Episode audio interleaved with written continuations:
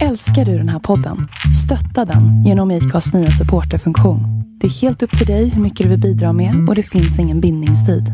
Klicka på länken i poddbeskrivningen för att visa din uppskattning och stötta podden.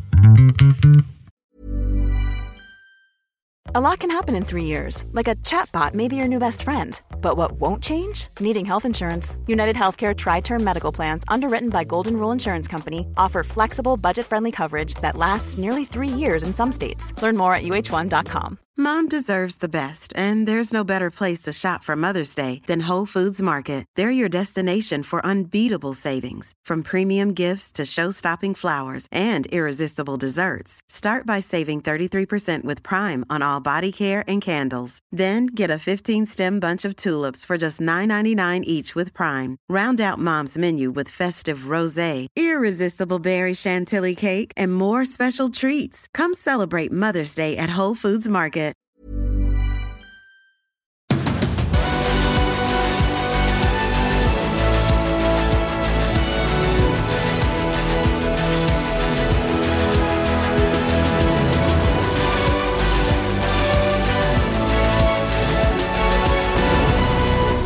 Välkommen! Det är dags för en ny MotoGP-podd med mig, Tobias Lajon, och med Andreas Mårtensson. Mårtensson, Ja, vakna! exakt. Måndag kväll. Ja, och du jobbar ju lite oregelbundet numera. Ja, exakt. Jag har jobbat lite natt här i helgen, så att, eh, lite sliten. Men vi ska nog få ihop den här podden också. Själv är jag lite överenergi. Jag har ju min, eh, mina skolelever på distans. Det är inte lika påfrestande att ha dem via skärmen kan jag säga. I alla fall inte för skallen. Sen är det jobbigt på annat sätt, men eh, inte just det här surret och sorlet som jag brukar ha huvudfullt av annars. Du får prata av dig här nu då i den här eh, MotoGP-podden. Nummer 101. Äntligen dags, eller hur? Exakt. Jag tycker jag gillar din nya programidé här, att vi ska snacka startnummer. Och det, det, det kommer bli första programpunkten idag. Startnummer ett just. Sen har vi lite kring de senaste dagarnas teampresentationer. Eh, senast idag Repsol Honda-teamet och bara för ett par dagar sedan LCR-teamet. Närmar sig eh, första testerna med stormsteg, mindre än två veckor kvar. Och eh, ihop med det också inför säsongen här lite reglementssnack och eh, möjliga viktiga uppdateringar hos eh, några av teamen som har de utrymmena. Vad säger du Andreas? Är du redo att snacka direkt? Absolut, kör igång. Så jag är rädd att du håller på, jag är rädd att du kommer somna annars. Absolut inte. Nu, Nej. nu kör vi. Ja, men du det här med nummer ett. Det är din idé från början och jag tyckte det var roligt tänkte jag med, med, eh, med en eh, ny programpunkt. Och Ja, ett, men- det är väl men- en av de lättare att börja med ändå. Ja, jag ska väl inte ta på mig äran helt och hållet. Det är ju faktiskt, jag har blivit lite influerad av andra poddar. Men så tänkte jag, men eh, ska vi inte köra en sån här startnummer-grej? Vi missade ju det när vi drog igång den här podden, då hade vi inte tankarna på det direkt. Då hade vi varit klara nu ju. Då hade vi varit klara, ja. Mer eller mindre. Mer eller mindre, ja. Men jag tänker att det kommer bli 100 avsnitt till. Så varför inte köra från 101 istället? Mm. Ja, eh, när du, eh, då har ju du tänkt säkert lite längre på den här punkten än vad jag har gjort. Men sen du nämnde den där, det, det första namnet som poppar upp i mitt huvud för mig, det är ju ihop med att eh, det blev intressant att åka bana. Och Jag var ju lite sen i starten på det, det tror jag vi snackade om när vi pratar mer om oss själva i våra tidigare poddar här. Eh, och då har vi alltså hamnat in i början på 90-talet och eh, det är Mick Doan som, som är den, nummer ett för mig. Ja, Hade du anat det eller? nej, ja, det hade jag verkligen gjort. Eh, och grejen är att eh, det är faktiskt detsamma för mig. Eh, om jag ska tänka på någon som har startnummer ett, vems är startnummer ett? Och den första som jag associerar det med, det är också Mick Doohan. Det är det alltså? Ja, det är Mick Doohan. Eh, för han hade det under fyra säsonger, det är det som är grejen. Han hade fyra säsonger, alltså eh, 95, 96, 97, 98. Ehm, och då blir det ju så. Mm. Och jag var till och med, jag var väldigt influerad av honom. Jag körde med, eh, jag hade hans hjälmdesign, den här uh, Arai-designen med de här vågorna. Jag tror att den heter Reggae eller något sånt där. Den finns väl nästan fortfarande Ja, i jag tror att den replika. finns i replika. Inte så vanlig däremot. Inte så den, den har ändrat lite utseende, men eh, Jag, jag kikar tillbaka där på någon bild. Just, den här, just de här Våg- vågorna. Taggiga eller? Ja. ja, exakt. De var lite mjukare Array. från början. Array, exakt. Ja, nej men, och det har nog med att göra också kanske att han, han hade ju inget annat startnummer. Man associerar ju inte honom med något annat startnummer. Ehm, han hade ju fyra första gångerna som han vann. Startnummer fyra, den har vi pratat om några gånger nu när de var mitt emellan där. Råtmans Honda och Repsol Honda. Just det, när man körde den här uh, rena Honda-lacken. Ja, exakt, den ut som- röda. Det var bara en fabrikslack. Ja, nummer fyra. Eh, den vann han ju med då, 1994 dessutom. Eh, en annan som även, om man tänker sig, eh, det är inte he- visst det är givet med Mick Doohan, men det finns faktiskt en till där. Och det är ju den föraren som vann innan Doohan-eran, det vill säga Wayne Rainey. Han körde ju också med ett. Det blev ju bara under två säsonger, han vann ju tre titlar. Ehm, ja. ja, tre säsonger blev det ju förresten. Han ja, körde ju halva Jag, jag, 93. förknippar, jag förknippar inte honom med något annat nummer här, men det här, nu märker jag att jag borde ha slagit upp eller kollat upp en sak här, och det är ju också hur länge man körde det här med att eh, man, man körde efter placeringar. Det var bara så att man fick den, den startnumret som man placerades i VM, men det, det vill jag minnas att det i alla fall var när jag, det, det måste ha varit under 80-talet att man gjorde så. Det måste väl varit en bit in på 90 också. Ja, kanske till och med så ja. Krivill, han körde ofta med, han körde med fyra någon säsong och Ja, eh, det var en annan Repsol Honda där som körde med nummer sex, var det Okada kanske? Men, men, men bara byta spår lite grann då. Vad, när började det här med att man behöll sitt nummer då? Ja, jag, jag, den första som man tänker på som har ett specifikt nummer hela tiden, förutom när han vann titeln, det är ju Kevin Swans. Ja, stämmer. eh, med sin 34. Eh, Ja. Sen blev det ju ett då till 1994 när han vann titeln och 93. Eh, Men ändå, det, det är väl den första. Men den som sen har tagit det ett steg till och som han var egentligen tvåa på bollen då kanske kan man säga, men ändå som har tagit det till nästa nivå, det är ju Rossi med sin 46. Och han har ju aldrig haft nummer ett, han har ju alltid haft 46. Mm.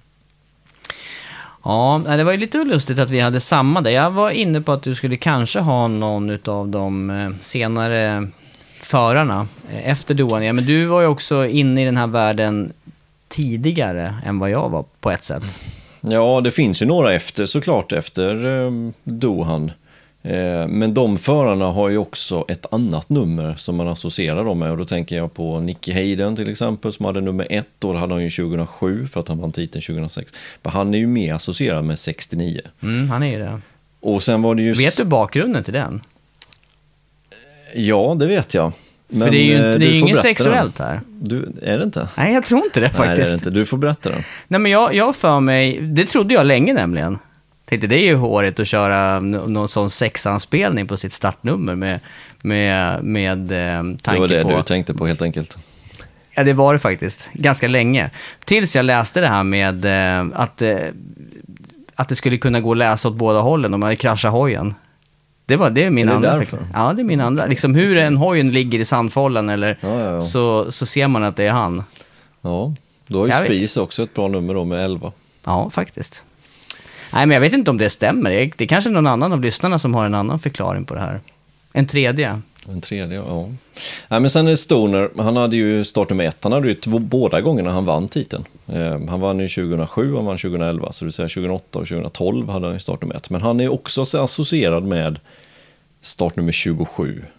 Eh, det, blir, det, blir ju, det är ju hans nummer på något sätt med, med 27. Och jag tycker det var rätt hårigt av Lecona att ta det numret nu faktiskt. Mm, faktiskt. För det, det är inte vem som helst vi pratar om här. Det är faktiskt Casey Stoner. Och, Ja, det, det var hårigt. Men han tog ju den Lecona i vilket fall som helst. Och eh, sen är det ju Lorenzo då. Och det är den senaste föraren som har valt nummer ett och kört med nummer ett. Det, Ja. det blir ju ingen nu 2021 har det visat sig heller.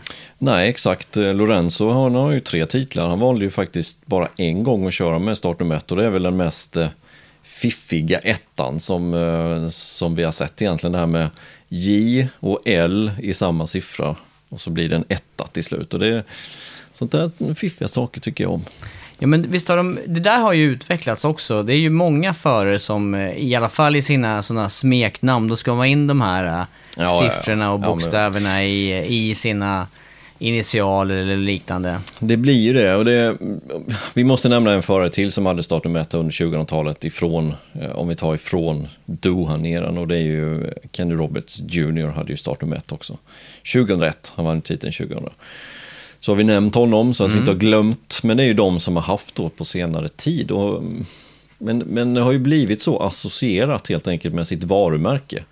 Och det är ju därför som förarna jag skulle säga att det är två grejer som gör att förarna inte väljer startnummer ett längre. Startnummer ett ska vi då tillägga för de som inte är med här. Det får man alltså ha om man vinner VM-titeln året innan. Året efter så får man då välja startnummer ett. Eh, och, det, och det handlar ju om dels lite vidskeplighet och kanske den största så är det ju sitt varumärke. För på något sätt så har ju Rossi infört det där att man bygger sitt varumärke runt sitt startnummer. Och det har ju alla tagit med. Eh, och då på något sätt blir det ett för stort steg att köra med nummer ett. Och jag tycker det senaste exemplet där med Mira, jag tycker att det var... Nej, jag gillar inte det. Vad tänker du nu då? Med Nej, men han då? kör ju med 36 Ja. nu igen då. Ja. Varför inte gå för nummer ett? Nej, du, det där var vi inne på i någon tidigare podd just. Det kan ju vara hans, kan vara hans enda möjlighet att åka med nummer ett. Och det är ju så för alla naturligtvis. Det är ju, även om vi ser att många utav världsmästarna blir flerfaldiga världsmästare så är det ju... Ja, jag tycker också att det, det sticker ut mycket att köra med den där ettan. Det blir, det blir tydligt vem de andra ska jaga på något vis. Ja, men det är, kanske är det som är grejen också, att eh, man vill inte sticka ut hakan för mycket. Nej, inte så jämnt som det är just nu i alla fall. Nej, och, och samtidigt så vill man fortsätta att bygga på sitt eh, varumärke. Och så kanske man är lite vidskeplig också och tycker att eh, det var ju egentligen därför Lorenzo slutade med det, för det gick ju inget bra där året när han körde med nummer ett. Nej. Han körde ju alltså, han har ju blivit världsmästare som sagt tre gånger, han körde bara med det första gången, alltså säsongen 2011. Sen blev det tillbaka till 99 och sen eh, och sen eh, behöll han det också. Men det här med nummer ett, nu pratar vi VM här och har du haft möjlighet att åka med nummer ett någon gång? Jag har ju det. Jag har ju haft möjligheten men jag har inte tagit den. Har du tänkt på det efterhand? Har det någonting du ångrar eller? Verkligen, men jag har inte kunnat göra någonting åt det för att ehm, jag har ju vunnit två SM-titlar. Första vann jag ju 2006 i 250. Eh, Och 2007 körde jag inte 250. Då körde jag ju Superbike. Ja, det är klart, då kan man ju inte bara flytta med den ettan. Det är ju det. Tyvärr kunde jag inte det. Jimmy Lindström som körde med nummer ett där 2007 och som vann 2006 också då i Superbike. Han hade nog inte varit jättenöjd. Och ehm, sen hade jag ju chansen, ja, men då slutade jag ju istället. Jag vann ju sista året jag körde 2013, men då slutade jag. Så att, ehm, Men det är ju också ganska, det, är ju, det var ju rätt häftigt att sluta på topp med en titel. hade faktiskt tankarna på, i och alltid gå på Anderstorp, så hade jag ju tankarna på att få köra en gång med nummer ett på hemmabanan. Och, ja, nu blev det inte så. Men, Nej. Nej, så att eh, tyvärr eh, har jag inte kört med nummer ett. Men det är lite eh, störande. Ja, du vet, jag har inte ens haft möjlighet eller... Eh, jag vann ju, jag vann ju faktiskt Master of Endurance ett år och då var det ju i stockklassen och sen vet jag inte hur det blev året efter där om jag åkte med... Eh, jag tror att det var det året jag sen bytte till Super Production och åkte med Bolliger. Så att det blev inte heller... Om vi ens hade haft möjligheten. Och de, men de var... Det teamet jag åkte med där, fransmännen där, de var förknippade med start startnummer 10. Och då undrar jag ifall det där hade någonting att göra med indelningen i regioner i Frankrike. För de, de var väldigt eh, eh, tydliga med att det var nummer 10 som gällde där. Okej. Och Bolliger, de har alltid åkt med nummer 8. Så att nej, det fanns ingen liksom... Det var inte aktuellt. Nej, det är också en sån här siffra som funkar upp och ner. det är åttan. sant. Det är sant. Ja, vi kanske kommer komma på några till här. Då. Ja, ettan går väl om man bara gör ett rakt streck Ja, också jo. kanske. Och 11. Och 11 ja. Ja. Vet, du vem som hade, vet du vem som åkte med 111 länge då? 111, det gjorde ju, eh, ja det vet jag. Superbike är det. Nej, ja, nu, nu får det du är säga det. Superbike. Honda dessutom. Ja, kom, nej, nu får du säga. Nya Zeeland. Slight. Aaron Slight, Ja. ja. Han åkte med Det är 111 sant. länge. Det är sant. Och han hade ju den teorin att han skulle plocka bort, eh, han skulle plocka bort ettor. Det har jag, ja, det har jag också hört, ja. Skulle aldrig behöva byta liksom grundsiffra där. utan- Just det, det skulle bara sånt. plockas bort. Mm. Ja. Så tänkte jag med, plocka bort tvåan. Jag hade ju alltid 21 under min karriär, förutom enstaka tillfällen. Tänkte också det. Men visst var det han som plockade bort tårna på ena foten till slut? Slight. Jag för mig det. Han eh, var ju den som såg till att det blev den här reglementsändringen, att man skulle ha den här hajfenan på svingen, så man inte skulle få in... Jaha, han fick en in tårna där mellan kedjan och drevet. Exakt så. Aj då. Mm. Så um, gjorde de några nya klistermärken på det där. Det är ett surfklistermärke, eller ett surfmärke där, Hang 10. Och så ett surftrick på longboard, att man står med, med tårna utanför brädan fram till där. står ju Hang 10. Fast han hade då Hang 5 sen. Han hade ju bara fem tår kvar. Inte så roligt egentligen, men i sammanhanget, att man kan skämta om det. Ganska kul. Mm, ganska kul. Ja, det är sant. Slight hade 111. Ja, Men de här ettorna, det är som sagt var, Doan-eran där, den var, han, var ju, han var ju så, han var ju verkligen nummer ett också under så lång tid på något vis. Han hade ju kunnat varit nummer ett egentligen under hela 90-talet om inte han hade slagit sig sönder och samman. Två tillfällen egentligen. ja exakt. Det skulle han kunna varit. Han, han var ju ytterst nära att vinna 92 Ja. när den skadan inträffade. Och hade det inte inträffat där då hade han garanterat vunnit 92. Det var ju nära ändå. Han gjorde ju comeback i slutet på året där och var ju bara några poäng för att kunna ta titeln. Och 93 var han ju skadad hela året så det är klart att han skulle kunna ha vunnit där också. Men sen vinner han alltså fem raka titlar efter det. Ja. Imponerande. Och, Ja. och sen är det en skada till. Och vem, alltså 99 hade Krivil vunnit. Ytterst tveksamt. Mm.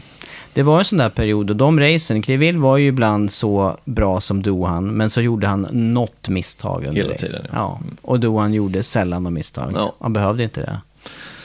Nej, eller när de körde ihop. Ja, Då gjorde de vid ett par tillfällen vill jag för mig. Ja, de gjorde kanske det. Ja, ja. Nej, men det är den ettan där. Men det här andra då med eh, just med, med varumärke, det vidskeplighet. Eh, ja, får vi se någon, eh, någon av förarna? Kan du tänka dig någon av förarna eh, köra med eh, nummer ett av de som är aktiva nu, som det spontant? Jag Ja. trodde nog på Mir i det här Ja, fallet. jag trodde också det, i och med att de gick ut och sa att vi ska ha en presskonferens om det här. Eh, då trodde jag faktiskt att nu väljer han nummer ett, men eh, så var det inte, utan han ville bara förklara sig varför han inte valde det. Eh, så att, nej, jag, jag vet faktiskt inte att Stoner körde med det. Han körde med det vid två tillfällen som sagt. Eh, han, går ju, han gick ju sin egen väg, han går ju fortfarande sin egen väg. Och skiter i alla andra. Så Ja. det, det var ju ganska ja, givet nästan. Men man kan ju tänka sig som tillverkare att man skulle vilja ändå att förarna har nummer ett på cykeln där. Det är ju ett statement, gör det. Ja, det gör ju det. Det, det är ju som när man ser, om vi tar en etta till här nu då, Eddie Lawsons NSR 500 från 89 med startnummer 1. Han körde alltså bara Honda en säsong där. Eller han körde kanske två säsonger men det blev inte så mycket av andra säsongen 90. Men, men 89 vann han. Ehm, det är ju ett statement på något sätt. Ja, alla ser ju att det där är 89 års modell. Mm. Faktiskt. Men då är det, det var ju roligt där, för den ettan då, då är ju inte den kopplad till Honda egentligen. Nej, den är ju inte det, för han vann ju på Yamaha året innan. Ja. Snodde ju ettan därifrån egentligen. ja exakt. Ja, Men det är ju också, de värvade ju också en världsmästare till den säsongen då ju. Stämmer. Det blir ju som ett statement ändå att vi har världsmästaren i våra team. Och han vann med nummer ett. Mm. Det är inte så jättemånga som har gjort det. Som Nej. har vunnit med startnummer ett. Nej, för det är, det är ju det är extremt svårt att upprepa en VM-titel. Det har ju visat sig många år. Det ska bli intressant att se hur det här, eh, den här säsongen blir. Eh, med tanke på de små förändringar som ändå får ske med, med cyklarna till det här året. Om det, ja, tittar vi på 2020 så var det ju extremt jämna race. Och, ja, Det finns ju inte. ingenting som tyder på att det inte kommer att vara jämna race Nej. i år. Nej. Absolut inte. Ja, nej men eh, startnummer ett. Har vi uttömt vad vi har där? Ja, jag tror faktiskt att vi har det. Senast någon vann med startnummer ett en titel, det måste ju då ha varit 1998. Ja, Doans sista VM-titel där ja. Ja. Mm. Stämmer. För annars är det ju, som du säger, byten där utav, ja, stämmer. Jag tittar lite i mina papper här också. Det, det känns som att det är, där är du på rätt spår. ja. Ja, det var nummer ett det. Nästa vecka är det nummer två. Ja, Kanske blir svårare. Det kommer att vara lätt i början här nu känner ja jag. Men sen, tvåan, tvåan tror jag spontant att jag har en... en ja, det, som jag har, förknippar jag med. också. jag tror vi har samma. Ja, vi kanske har samma igen. Vi ska ju tillägga att det här har vi inte snackat om innan. Vem? Men han tvåan där, jag tror att, det, att du har åkt med honom en gång bak på. Ja, så är det faktiskt. på en det, Ducati för ett par år sedan. Ja, det är den jag tänker på. Ja. Ja, då tar vi nästa Ja, vecka. vi tar det nästa vecka. Okej, då är det det som hänt så sent som eh, under dagen. Teampresentation. Repsol Honda. Ja, Eh, det är Mark Marquez som eh, kommer köra ena cykeln och Paul Espargaro, intressant värvning ifrån KTM. Och eh, ihop med den här teampresentationen då, det är klart att det är intressant att se lite ny färgsättning och ny hjälmdesign och så vidare, men ja färgsättningen var extremt Ja. olik var den. helt oväntat. Orange. Ja, ja det, man, får, man får ta fram förstoringsglaset för att se skillnad mot förra årets. Mm. Man skulle ha sån här um, kalkerpapper, hette det så? Man la på sån här uh, genomskinliga. Det, man ser smörpapper. igen. Smör, exakt. Smörpapper som vi sa. ja, ja, det är sant. Det är samma funktion. ja. Eh, Nu bröt jag, ihop. ja, jag bröt ihop. Det kanske inte heter kalkerpapper, men det var, nog, det var nog så vi benämnde det.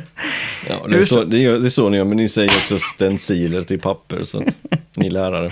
Ja, exakt. Men du, Mark Marquez är ju högintressant. Eh, det, blev ju Ja. en, det blev ju en totalt katastrof, total katastrof får man väl säga med hans eh, krasch och framförallt snabba comeback där på Jerez och armskada. Men eh, intressant nu ihop med teampresentationen, det var ju faktiskt att han eh, sa någonting själv om det här för första gången på länge. Ja, exakt. Det är första gången som eh, vi i media fick chans att ställa frågor till Mark Marquez. Det, in, innan har det ju varit envägskommunikation. Den kommunikationen som Honda och Marquez vill släppa, det är den vi har fått ta del av. Förutom lite rykten. Men nu fick vi chansen här idag att ställa frågor. Jag ställde faktiskt klockan på 13.00 och gick upp. Nej, jag var vaken då. Och gick upp, ja. Och tillägga till ditt natt. nattarbete. Ja, Ja, exakt. Mm. Eh, och eh, var med på den här presskonferensen som givetvis var digital. Och ehm, det var intressant. Han var väldigt öppen, Marcus. Och ehm, mitt intryck består precis det jag haft de senaste gångerna och berättat om i podden. Att det är positivt, men att de inte vet riktigt själva när han kommer tillbaka. Och visst, det måste vara så den här gången att nu tar man inga chanser överhuvudtaget. Nej, det kommer man inte göra. Eh, men han kommer, i, i detta mått mätt så kommer han komma tillbaka eh, förr än senare. Om man säger så då. Och då grundar du det på det han pratade om och det är känslan med i uttalanden. Men samtidigt, han är, han är extremt eh, motorcykelotränad just nu. Jag tänker på fysiken. Absolut. Eh, och det, det som han sa egentligen var att han hade en väldigt, väldigt tung period i september-oktober. Eh, det vet vi ju. Han kom ju inte tillbaka. Det var ju snack om att han skulle. Men, men då hände ingen förbättring överhuvudtaget. Ehm, de tog prover på var det någon infektion? Är det någon infektion i armen, i benet? Ehm, det var det inte, eller i skelettet. Det var det inte. Som sen visade sig att det visst var då när de väl gick in och grävde. Och det är svårt, det har vi ju även pratat om i podden tidigare, att det är svårt att diagnostisera exakt om det är en infektion eller inte. Men han själv uttryckte det som att han inte riktigt kände som att det satt Det höll ihop. inte ihop, nej. Och, och den Svajar. känslan är ju förståelig i och med att inte benet har riktigt konsoliderat ordentligt. Så det är inte konstigt att det kändes så heller. Eh, Men då var det, han var ganska nere då, det märkte man på honom, att det var en tuff period i livet. Just där under senhösten när han hoppades på att kunna vara tillbaka, men inte kunde. Eh, Ny operation och 3 december och eh, nu går det framåt, helt enkelt. Han var ju på någon eh, läkarundersökning här för ett par veckor sedan, allting såg bra ut. De har bestämt sig för att hoppa över Qatar-test. Också förståeligt, för det börjar ju som sagt nästa helg. Eh, och bara det att han nämner det, att nej, men, vi kör inte Qatar-test, men det är ju ändå att Att de har övervägt på något vis eller haft det. Ja, att det ändå finns i bakhuvudet så att säga då. Eh, men som man sa det själv, det är ett viktigt läkarbesök i mitten på mars. När han ska tillbaka till den här läkaren, i, eh, eller läkarteamet i Madrid. Och de ska kolla då hur väl har benet läkt ihop, eller skelettet i, i armen läkt ihop. Eh, och efter det så får läkarna ta ett beslut. Han sa det är inte upp till mig längre utan när läkarna säger att jag är fit for fight, då kör vi. Eh, Och han sa även nu att hade de sagt det till mig idag att du är fit for fight för att köra så hade han inte kunnat köra. För att han har inte fått upp fysiken, han har inte kört cross, han har inte kört någonting sen ja, 20 juli eller vad det var, 19 juli. Eller 23 Men, eller eh, vad det var. vad, vad Ja. sa han i övrigt här då, kring eh, den här skuldfrågan, om det nu är en skuldfråga? För vi snackade om det här också tidigare med, vad är det som gör att han hoppar tillbaka i sadeln? Nu är det ju en förare som vill och, och kanske vill mer än, än vad kroppen egentligen förmår. I det här fallet visar det sig vara så. Men eh, eh, hur lät tongångarna där i, i förhållande till de beslut som togs där i juli kring snabb comeback? Nej, men alltså, jag, jag tycker det låter precis som det har låtit hela tiden och vad vi har pratat om här. Att han, han är inte nöjd med läkarna som rådde honom att köra, men han säger inte det rätt ut. För att det, det blir på något sätt, han vill inte hänga ut någon, utan till syvende och sist var det ju Mark Marquez som satte sig på den där motorcykeln och körde. Och på något sätt så har han ju accepterat att han är en del utav det, även fast jag förstår att man kan bli liksom lite bitter på när någon ger, ger en ett tips som inte riktigt visar sig stämma. Och det visar ju att han, han bytte ju läkarteam helt och hållet. Och på något sätt är ju det en, en bekräftelse på att han inte var nöjd med de första besluten som togs. Och att de behövde prova någonting annat.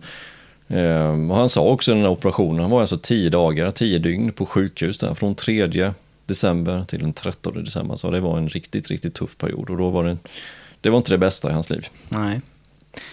Men då är det ju, om, om man räknar bort testerna här nu då, som eh, femte mars, då är det ju rookies och testförare. Men sen är det alltså sjätte, sjunde och tionde, tolfte mars. Och sen är det ända till säsongspremiären då, 28 mars. Men då är det å andra sidan två helger i rad där i Qatar. Eh, och ja, då är det dryga månaden bort till, till det racet. Eh, skulle han då hoppa över de två racen, då har han ytterligare fram till 18 april och i så fall Portugal på sig. Det var nästan två månader från och med nu då. Mm. Ehm, Ja, frågan är hur länge de Ja, törs det- det är chansa nästan- och vänta på. det, det är nästan mitt tips. Portugal. Ja, Portugal. Efter liksom och, hur, hur är statusen just nu? Han ska tillbaka till ett läkarbesök. Sen ska vi komma ihåg att när, när de andra förarna har spenderat fem testdagar Jag tänker detsamma. och sen kommer man till ett race. Missar han första racet ska han då in i andra racet när de andra har kört åtta dagar på den här. och Han har inte kört motorcykel sedan i mitten av juli. Det blir inte lätt. Nej. Och då är frågan, är de 7, 8, 9, 10 poängen värda så pass mycket i slutändan? Är det inte bättre då att få ett par veckor till och vara verkligen 100% har kanske kört någon typ av hoj på någon bana i Spanien, superbike då eller vad det kan vara för någonting. Så att, ska jag ge tips, men alltså, vad vet vi? Han vet ju inte ens själv, det är det som är grejen, men Ja, förhoppningsvis till Portugal. Men, men det, det som ändå låter positivt är att vi pratar liksom inte, vi pratar inte Red Bull Ring i augusti här längre. Utan nu, nu pratar vi om att nu närmar det sig, det blir bättre och bättre.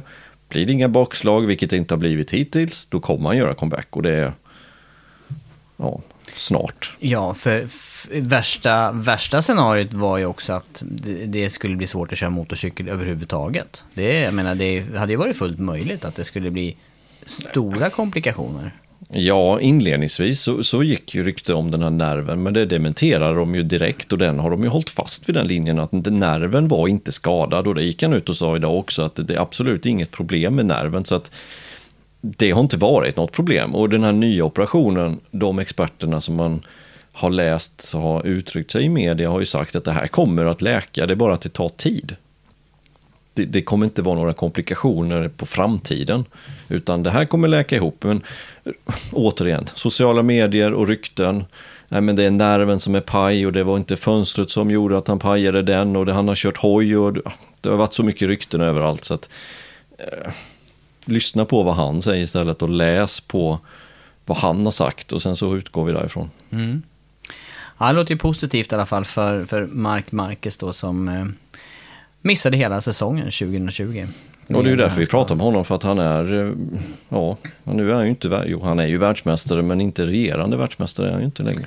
Nej, men han har ju varit eh, riktmärket som alla har, den, den, som alla har siktat efter. Och det tycker jag man hör också på Paul Espargaro nu när han ska byta då. Teamkollega kommer han att bli med Mark Marquez. Gå från KTM som han har varit med och utveckla från grunden och äntligen tagit till pallplatser här under året. Och jag har ju sagt i våra sändningar att jag undrar vad han, vad han tänker innerst inne, men han, eh, något som han nämner här nu, det är ju hur viktiga de här testdagarna blir just i Qatar för honom och också vad han kan eh, studera och få med sig från eh, Mark Marcus. Men det blir ju, och då får han ju titta bakåt i tiden helt enkelt, körstil och annat.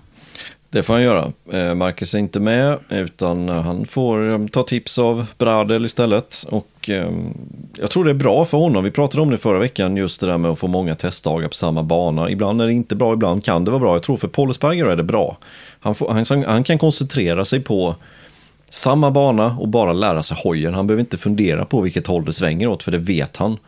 Eh, och dessutom då man får fem testdagar på samma bana och det är perfekt med två dagar emellan också när huvudet hinner, ja, man hinner liksom bearbeta vad som har hänt de första två dagarna, ledigt två och sen så tre ytterligare dagar. Det kommer bli hur bra som helst för honom att få de dagarna där. Sen är det visst, det är, det är limiterat med tid, men har vi någon gång inte hört att en förare säger så här, men det är alldeles för mycket testning inför den här säsongen. Det, det, det hör man ju inte. Nej. Nej, och det, och det har ju krympt också. Och i år ännu mer. Och koncentreras just som du säger till en och samma bana också. Ja, ja. Jag, jag är lite, om vi går tillbaka, nu gick du in på hans teamkompis där. Jag är lite eh, nyfiken på vad du tror om nivån på Marcus när han väl kommer tillbaka. Ja, jag, jag, skulle säga precis det där du sa kring de här två första racen där. Just kopplat till antal testdagar som du var inne på. Eh, han har ju varit om än inte överlägsen, men, men tittar man på race, jo, tittar man på racet i Jerez som han gjorde fram till kraschen, då var han ju överlägsen där också. Så, ja, jag, jag inbillar mig här i, när han kommer tillbaka, så en rimlig gissning här skulle jag säga att han kanske placerar sig runt femma, sexa, sjua i de inledande racen. Men du vet, det kan, det kan vara kan vara för dåligt. Alltså det kanske, det kanske är bättre än så till och med. Ja, det är jättesvårt är det. Men... Eh... Det beror ju på lite grann det här med, för jag tänker också på det här med körstilen där. Hur, hur, pass, hur pass säker är han att trycka i sina armar? De där har ju räddat honom så många gånger, armbågarna just, och, och trycka mot asfalten. Hur, och, hur är känslan i det här? Det, är, det, är en, det är en avgörande grej tror jag. Ja, jag, tror inte, jag tror inte det, är något annat. Jag tror inte, eller något jag, annat tror, jag, tror att det, jag tror att det är psykologiskt alltihopa här. Det är klart att det är psykologiskt klart. Men men när man kommer tillbaka från en sån här skada, jag har gjort det någon gång, och man, man är osäker i början. Och man vet ju det också, även fast Mark Marquez har varit så pass överlägsen som han har varit senaste säsongerna och kanske framförallt då om vi tar nu Jerez-racet förra året, men året innan det också när det var första platser, andra platser rakt igenom förutom en nolla. Han var ju helt överlägsen. Men det behövs inte mycket för att man inte ska vara så överlägsen. Det är inte många procent han behöver gå ner sig. Nej. Och de andra ser ju också den svagheten, eller kanske möjligheten då att ta. Ja, sen, sen vi kommer tillbaka lite vad vi tror om, om de andra ökat eller inte. Men, men just för hans egen förmåga så har han ju det där, han har ju en speciell känsla för framhjulet. Och den måste man underhålla den känslan. Det är ingenting som bara kommer, utan den måste man öva upp och underhålla. Nu har han inte gjort det på, ja, sen juli. Det är ett tag sedan. Mm. Det, är, det är sju månader nu, det kommer vara kanske åtta, nio månader. Och då är frågan, hur lång tid tar det för att han ska få tillbaka den känslan igen? Det vet man inte. Jag, jag tror att det, man, är mycket, man är mycket osäker, jag kände det också den gången, att man är mycket osäker innan man har satt igång. Men när man väl sätter igång och börjar fokusera på någonting annat än sin skada, vad nu det kan vara, en bromsbelägg, fjädring, elektronik, vad det nu är, och så fokuserar man på någonting annat, då, då kommer det till slut. Och det kanske går snabbare än vad man tror. Jag tänker på en ytterligare sak i det här också. Han eh, har ju inte kört särskilt mycket på den här förändrade däckuppbyggnaden som Michelin presenterade till det här året. Medan de andra förarna nu har haft en säsong på sig att köra in sig på det.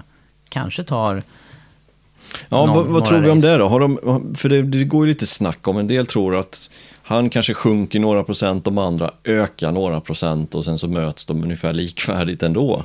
Men har de andra verkligen ökat under förra året? Nej, det är ju det jag är tveksam till. Det är det jag också är väldigt tveksam För, till. för de har ju inte haft den här... äh, Det, där har ju han... Marcus har ju haft... Han har ju varit den som har satt ribban så länge. Som alla har fått lov att försöka höja sig till. Och nu när han inte var där, då såg ju vi hur racen blev här under året. Nu har inte jag jämfört alla racetider mot säsongen innan. Det är kanske svårt att säga. Men det är svårt också att veta hur, hur maximalt alla körde under racedistans. Jag vet inte det här. Nej, Nej jag, precis den känslan har jag också. Att jag, jag är inte helt säker på att de andra har verkligen höjt sig under förra året. Utan kanske mer ju- stått still. Ja, man kör ju så fort man behöver för att vinna. Det är ju inte... Så är det ju. ju ingen som kör... Nej. De, de Det, kör det är inte enda de gången som man såg någon på något sätt dels utmana Marquez speed och dels vara lika överlägsen. Det var ju de två första racen. var I, Quartararo. i, med Quattararo. Men då var också Marquez på plats. Båda de helgerna, även fast han inte kör andra helgen, så var han på plats där. Och på något sätt pushade Quattararo.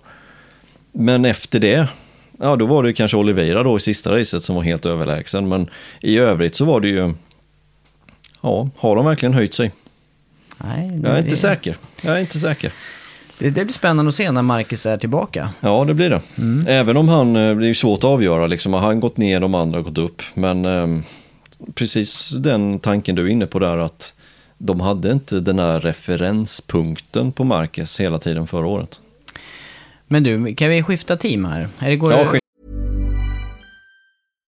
If you're looking for plump lips that last, you need to know about Juvederm lip fillers. With Juvederm Volbella XC and Juvederm Ultra XC, your lip look, whether it's subtle or bold, can last up to one full year with optimal treatment and no additional maintenance. Find a licensed specialist and see if it's right for you at juvederm.com today. That's J U V E D E R M.com. Add fullness to lips in adults over 21 with Juvederm Volbella XC or Juvederm Ultra XC. Do not use if you have severe allergies or a history of severe allergic reactions, or if you're allergic to lidocaine or the proteins used in Juvederm. Tell your doctor if you have a history of scarring or taking medicines that decrease the body's immune response or that can prolong bleeding. Common side effects include injection site redness, swelling, pain, tenderness, firmness, lumps, bumps, bruising, discoloration, or itching. As with all fillers, there's a rare risk of unintentional injection into a blood vessel, which can cause vision abnormalities, blindness, stroke, temporary scabs, or scarring. For full important safety information, visit juvederm.com.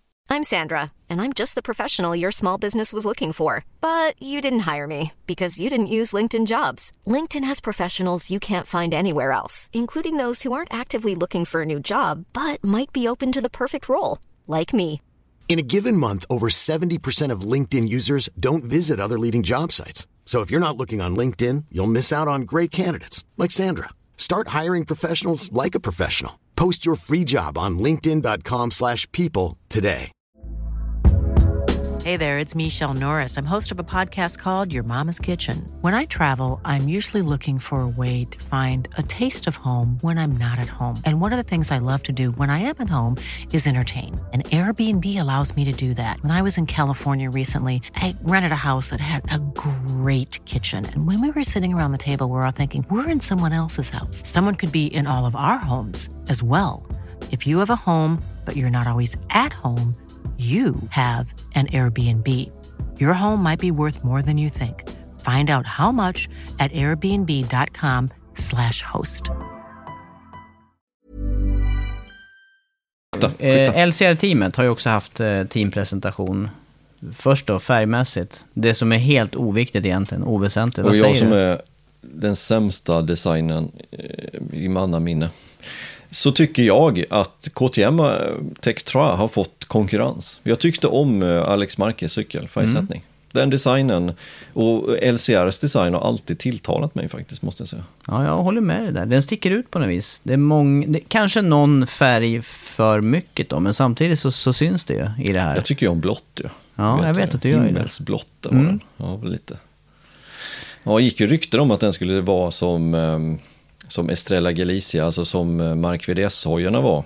för några år sedan när de körde MotoGP. I och med att Estrella Galicia gått in som sponsor till just Alex Marquez. Eh, Men det blev det ju inte riktigt så, utan det Nej. blev ju en, en eh, lite mer klassisk LCR-design. Ja, och ganska mycket Castrol blev det. Ja, faktiskt. Det blev det.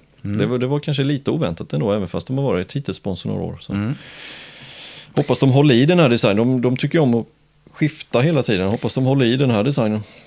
Men då har alltså Alex Marquez gått från Repsol Honda eh, 2020 till LCR nu då, men fortfarande med fabriks, eh, senaste fabriksmaterialet. Så även Nakagami, och det här är ju också två förare som har gått framåt under 2020. De gjorde ju riktigt bra race under slut, andra halvan utav säsongen. Två pallplatser för Alex Marquez i slutet. Ett blött och ett torrt. Och Nakagami var ju hans psyke från att vinna ett race. Ja, jag tycker så synd om honom i det och där. han kom Aragon. tillbaka till det själv också ju. Att det var verkligen en tabbe. Och det var ju verkligen det. Han det körde ju så dåligt de där första Ja, ja, svängarna. ja. Det- han, var ju det- inte rätt, han var inte rätt. Inte en sväng Nej. Det fem, var- fem svängar och inte rätt. Nej, fem svängar i rad och det var alla fel. Ja. Som man kunde göra. Och så gick han omkull på det. Men Nej, det han, var inte bra. Men han gör en intressant, eh, ett intressant hopp eh, maskinmaterialmässigt. Han hoppar över 2020-maskinen nu och sen går han ju på nytt material. Eh, nu får han ju inte använda en ny motor, det är ju samma motor eller likadan motor som förra året.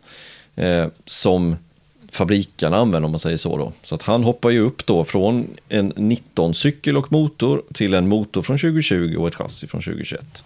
Och det får man ju göra i och med att de körde med det förra året. Så det blir intressant när han får sitta på senaste materialet första gången i karriären. Och, och, och då är frågan, kommer det hjälpa? Kommer det inte hjälpa? Ibland så tror man att nu så. Nu, nu, det, här, det här är det sista jag behöver för att kunna vara med. Och sen så visar det sig att det skiljer inte så mycket. Nej, och det är ju bara att titta på Morbidelli, vad han gjorde med, med eh, lite sämre material än, Mm. än fabrikerna. Så att, ja, det vi, vi är inte säkra, men eh, det är i alla fall eh, fullsmetat med det senaste på alla fyra Honda-förare där. Ja, det är det. Det, det är smart. Smart. Men då kan man använda data från varandra också. Ja, och så två lite yngre förare. Eh, Nakagami och eh, även fast han inte är purung heller, men han är nog, ja, inte bland de äldsta. Och så Alex Marquez tillsammans med två rutinerade förare då, med Paul Esparger och så Mark Marquez. Ja, Men hans, eh, hans design då, Nakagami, du tycker ju om guld så att det måste ju ha tilltalat dig den där. Ja, det kommer en liten guld. Jag vet inte om det är guld jag tycker om, det är mer den här bronsaktiga där. Men det är i alla fall, eh, egentligen så tycker jag den är snyggare, renare den designen där. Med än, Alex än Alex Marquez. Marquez. Ja, det tycker jag nog. Du kanske vill ha tillbaka den här Playboy eh, LCR Hondan. Och den var snygg faktiskt. Det var den faktiskt. Svart och vit. Mycket. Svart och vit. Svart och vit, ja. Var det Deponier som körde den? Ja, det var Randy Duponier. Randy Deponier. Mm. Nej, men eh, det, det, ser, eh, det ser trevligt ut. Men du, vi, jag skulle, tycker vi skulle kunna hoppa vidare här till, eh, vi, till det här med reglemente ihop med det här nu. För det här kan man ju ställa sig en fråga kring då, då kring hur det är möjligt för Nakagami då och helt plötsligt eh, växla eh, modell eller eh, ja, modell på cykeln. Eh, vad är det som gäller där egentligen Andreas när det handlar om eh, uppdateringar och eh, vad man får göra nu när man har fryst så mycket under det här eh, covid-19-året eller covid-19-säsongerna? Ja, de fyra tillverkarna som inte hade några fördelar till förra året, det vill säga Yamaha, Honda, Ducati och Suzuki. De måste köra med likadant material motormässigt. De får göra uppdateringar på chassit och aerodynamiken till den här säsongen, men motormässigt samma. Men många av teamen körde ju med olika konfigurationer. Som Morbidelli körde ju med en annan typ av hoj än vad Quattararo gjorde. Nakagami körde med en annorlunda. Då får man alltså välja vilken man vill, vilken man vill gå på den här säsongen. För de har märket homologiserat eh, två varianter där. Ja, exakt. KTM kommer ju i en liten annan situation för att de blev av med det i år. Det vill säga till nästa år, eller till, de blev av med det 2020. För i och med att de tog tre segrar och åtta pallplatser eller vad det var för någonting. Så de blev av med sina fördelar. Men de får ju ändå göra en uppdatering på motorn till den här säsongen. För att förra året så hade de ju två extra motorer. Istället för fem motorer som de andra hade så hade de sju motorer. Och då kan man ju inte bara strypa det mitt i säsongen för, för teamet och, och märket har ju gjort upp en plan för att de här sju motorerna måste vi kunna sprida ut. Om man då blir av med två motorer helt plötsligt, då blir det ju det blir inte rimligt. Så det har man ju då tillåtit istället. Och det gör man ju även fast det inte hade varit covid. Eh, och sen får ju de komma med en ny motor till den här säsongen. Så att de är ju i ett bättre läge. Det nämnde vi även tidigare poddar och vi har även nämnt det i sändning att de kommer ju kunna vara en liten fördel. Nu gick ju dock Peter Beyer ut här för någon, några dagar sedan och sa att de kommer inte göra så stora uppdateringar på deras motor utan ungefär samma koncept. Och de har ju kommit långt också. De har ju, eh, det har vi sett på alla typer, de har varit konkurrenskraftiga på, på många olika typer av banor. Det har de varit, men jag tror ändå att det jobbas stenhårt på att få till ytterligare grejer på den här motorn. För den här säsongen har de ju verkligen då chansen att kunna dra nytta av den här regeln en gång till. Även fast det var på grund av covid. Mm. Så att mm, jag tror att det har försiggått så mycket, det bara, så mycket resurser som fanns möjligt för att kunna göra motorn ännu bättre. Mm. Och nu snackar vi mycket motor här, men jag, jag läste en intressant artikel också. Matt Oxley där som är både eh, journalist sedan länge men också tidigare förare. Han skriver ju många initierade saker. Men han pratar just om det här med, eh, förutom de motorerna, det som, och, och förare som vi har varit inne på också nu då med nummer ett. Eh, den ytterligare stora biten som har försiggått, det är ju den här headhunting eh, eh turbulensen, eller det har ökat vilka eh, personer som man jagar till teamen och viktiga funktioner för att, för att få de här cyklarna att gå det här lilla extra. Och då, är det, då finns ju inom alla möjliga tekniska roller då som man jagar personal såklart. KTM inte minst. KTM inte minst ehm, och Polly Sparger tar med sig viss personal faktiskt till Repsol Honda och när vi pratade med Johan här så fick vi reda på att några mekaniker och crewchief för Quattararo tar ju steget över med Quattararo. Eh, och man man hörde där mellan raderna att han var inte helt nöjd med det, för han har ändå byggt upp sin grupp. Sen kommer det en förare som då byter team, tar med sig viss del av den gruppen. Nu kanske det löste sig bra ändå i och med att det var Rossi som kom in med, med några ifrån hans, hans team, men det är viktigt. Ja, och du säger också en viktig sak, bara, bara gruppdynamiken där. Det där vet ju jag från min vardag i skolan. Det kan ju vara en elev bort eller en elev till kan ändra en hel eh, klassammansättning och dynamiken på, på 30 stycken. Och här pratar vi ännu mer, ännu större grupp människor som ändå ska funka tillsammans i många lägen. Ja, ja exakt. Men, men en viktig funktion i det här är ju till exempel crew chief, som alltså är den person som sitter närmast föraren och som också kör de här debriefingen och, och första snacket eh, med föraren och tar beslut tillsammans där. Och hur. Eh, mm, hur har snurren varit där? Eller har det varit några stora förändringar? Eller kommer det bli några stora förändringar? Ja, in, inte jättemycket, men nu kommer jag på en grej som vi ska prata om här. Ja, under samtalet. Gör det.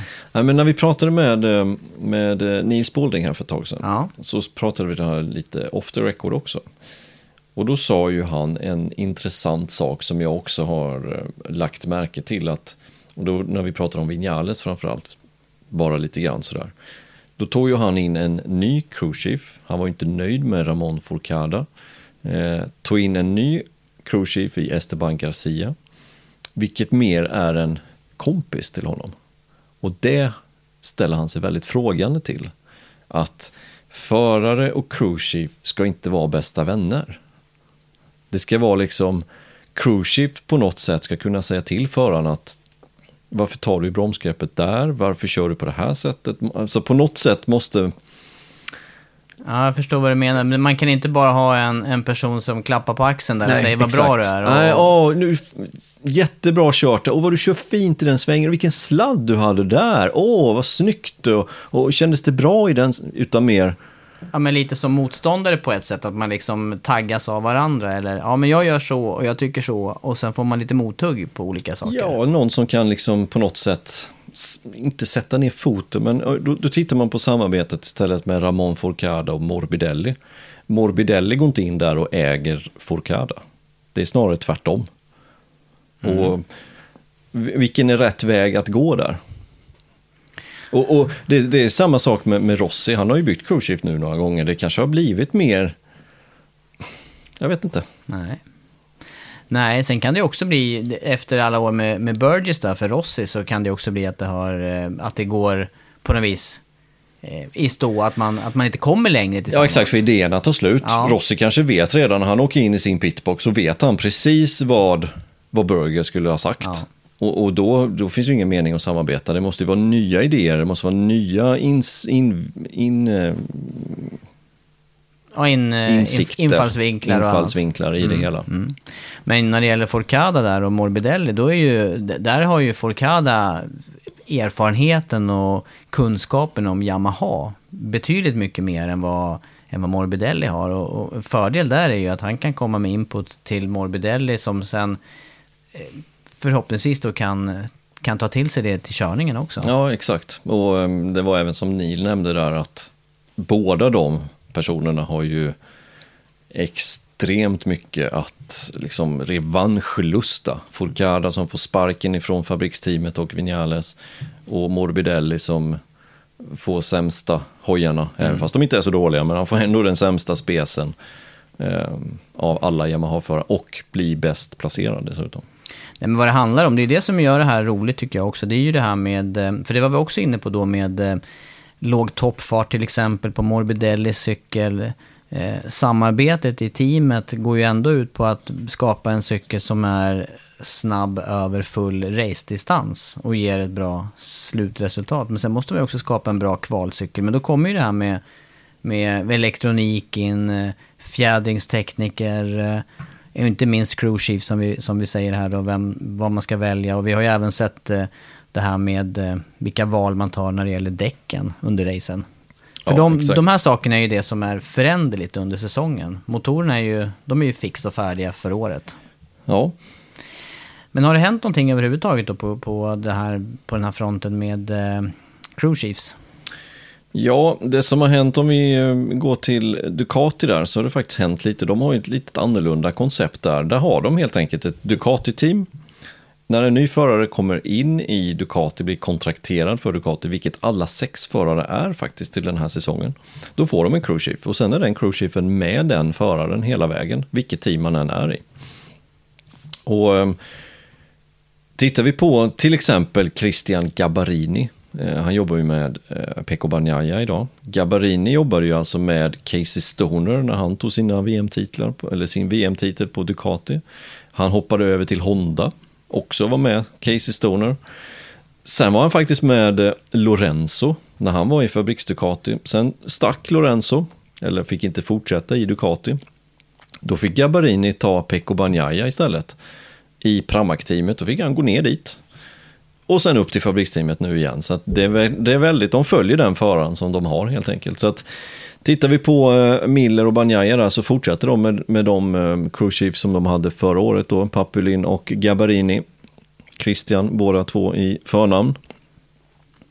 Och eh, Pramac Ducati, Martin får Daniele Romagnoli som hade Petrucci förra året då i fabriksteamet.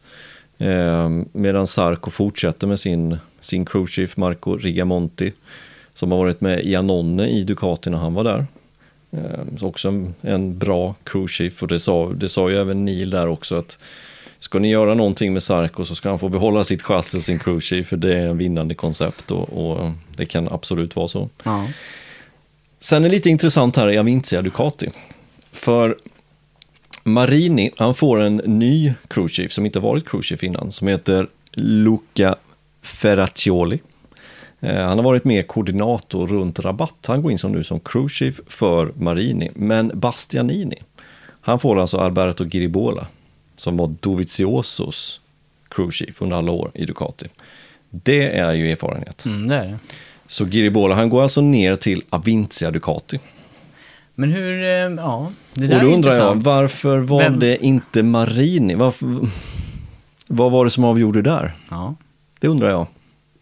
Ja det, var lite, det var lite märkligt. Det var stor skillnad på något vis. Men å andra sidan, visst, Bastianini, han vann ju titeln, det gjorde inte Marini. Så att, vem rankas etta i det teamet egentligen? Av både Ducati och inom teamet ser de ändå som att Rossi har sitt lilla, kommer ta över, kommer byta märke. Marini kör bara ett år i Ducati. Då vill vi inte sätta in Giribola där. Ja, Ja, intressant. ja faktiskt. Intressant. Ehm, du, ehm, då har vi i alla fall snackat nummer ett. Vi har snackat teampresentationer, lite förare och ehm, även då reglemente och läget med Ducatis crew chiefs. Är det någonting ytterligare du tänker på idag, Andreas? Cruise Shifts, eh, Repsol Honda, eh, samma då som förra året. Santi Hernandez såklart med Mark Marquez.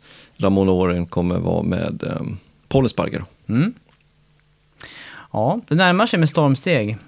Inte bara säsongspremiären, men framför allt eh, testpremiären för året. Och eh, 5 mars alltså, datumet som gäller för rookies och testförare i Qatar. Och sen 6-7 smäller igång och därefter har vi ju än mer att prata om. För då börjar det röra sig på banorna. Det har ju varit lite längre stillestånd än vanligt, får man ju säga. Ja, faktiskt. Det har inte varit så mycket nyheter senaste tiden. Nej. Ehm, även fast det här vinterbreaket har varit kortare än normalt i och med att vi avslutade säsongen senare. Stämmer. Ja, vi skulle gjort.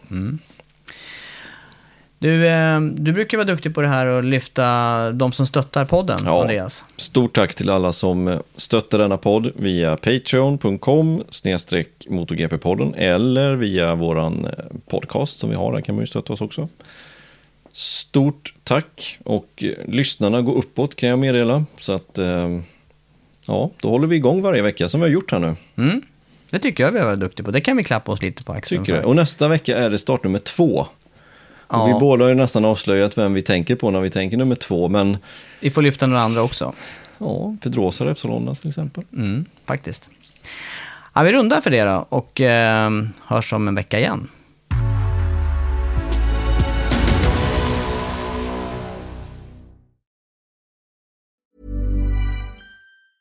Hi, I'm Daniel, founder of Pretty Litter. Did you know cats tend to hide symptoms of sickness and pain? I learned this the hard way after losing my cat, Gingy. So I created Pretty Litter, a health monitoring litter that helps detect early signs of illness by changing colors, saving you money and potentially your cat's life. Pretty Litter is veterinarian developed, and it's the easiest way to keep tabs on your fur baby's health right at home. Go to prettylitter.com and use code ACAST for 20% off your first order and a free cat toy. Terms and conditions apply. See site for details. Mom deserves the best, and there's no better place to shop for Mother's Day than Whole Foods Market. They're your destination for unbeatable savings, from premium gifts to show-stopping flowers and irresistible desserts. Start by saving 33% with Prime on all body care and candles. Then get a 15-stem bunch of tulips for just $9.99 each with Prime. Round out Mom's menu with festive rosé, irresistible berry chantilly cake, and more special treats. Come celebrate Mother's Day at Whole Foods Market.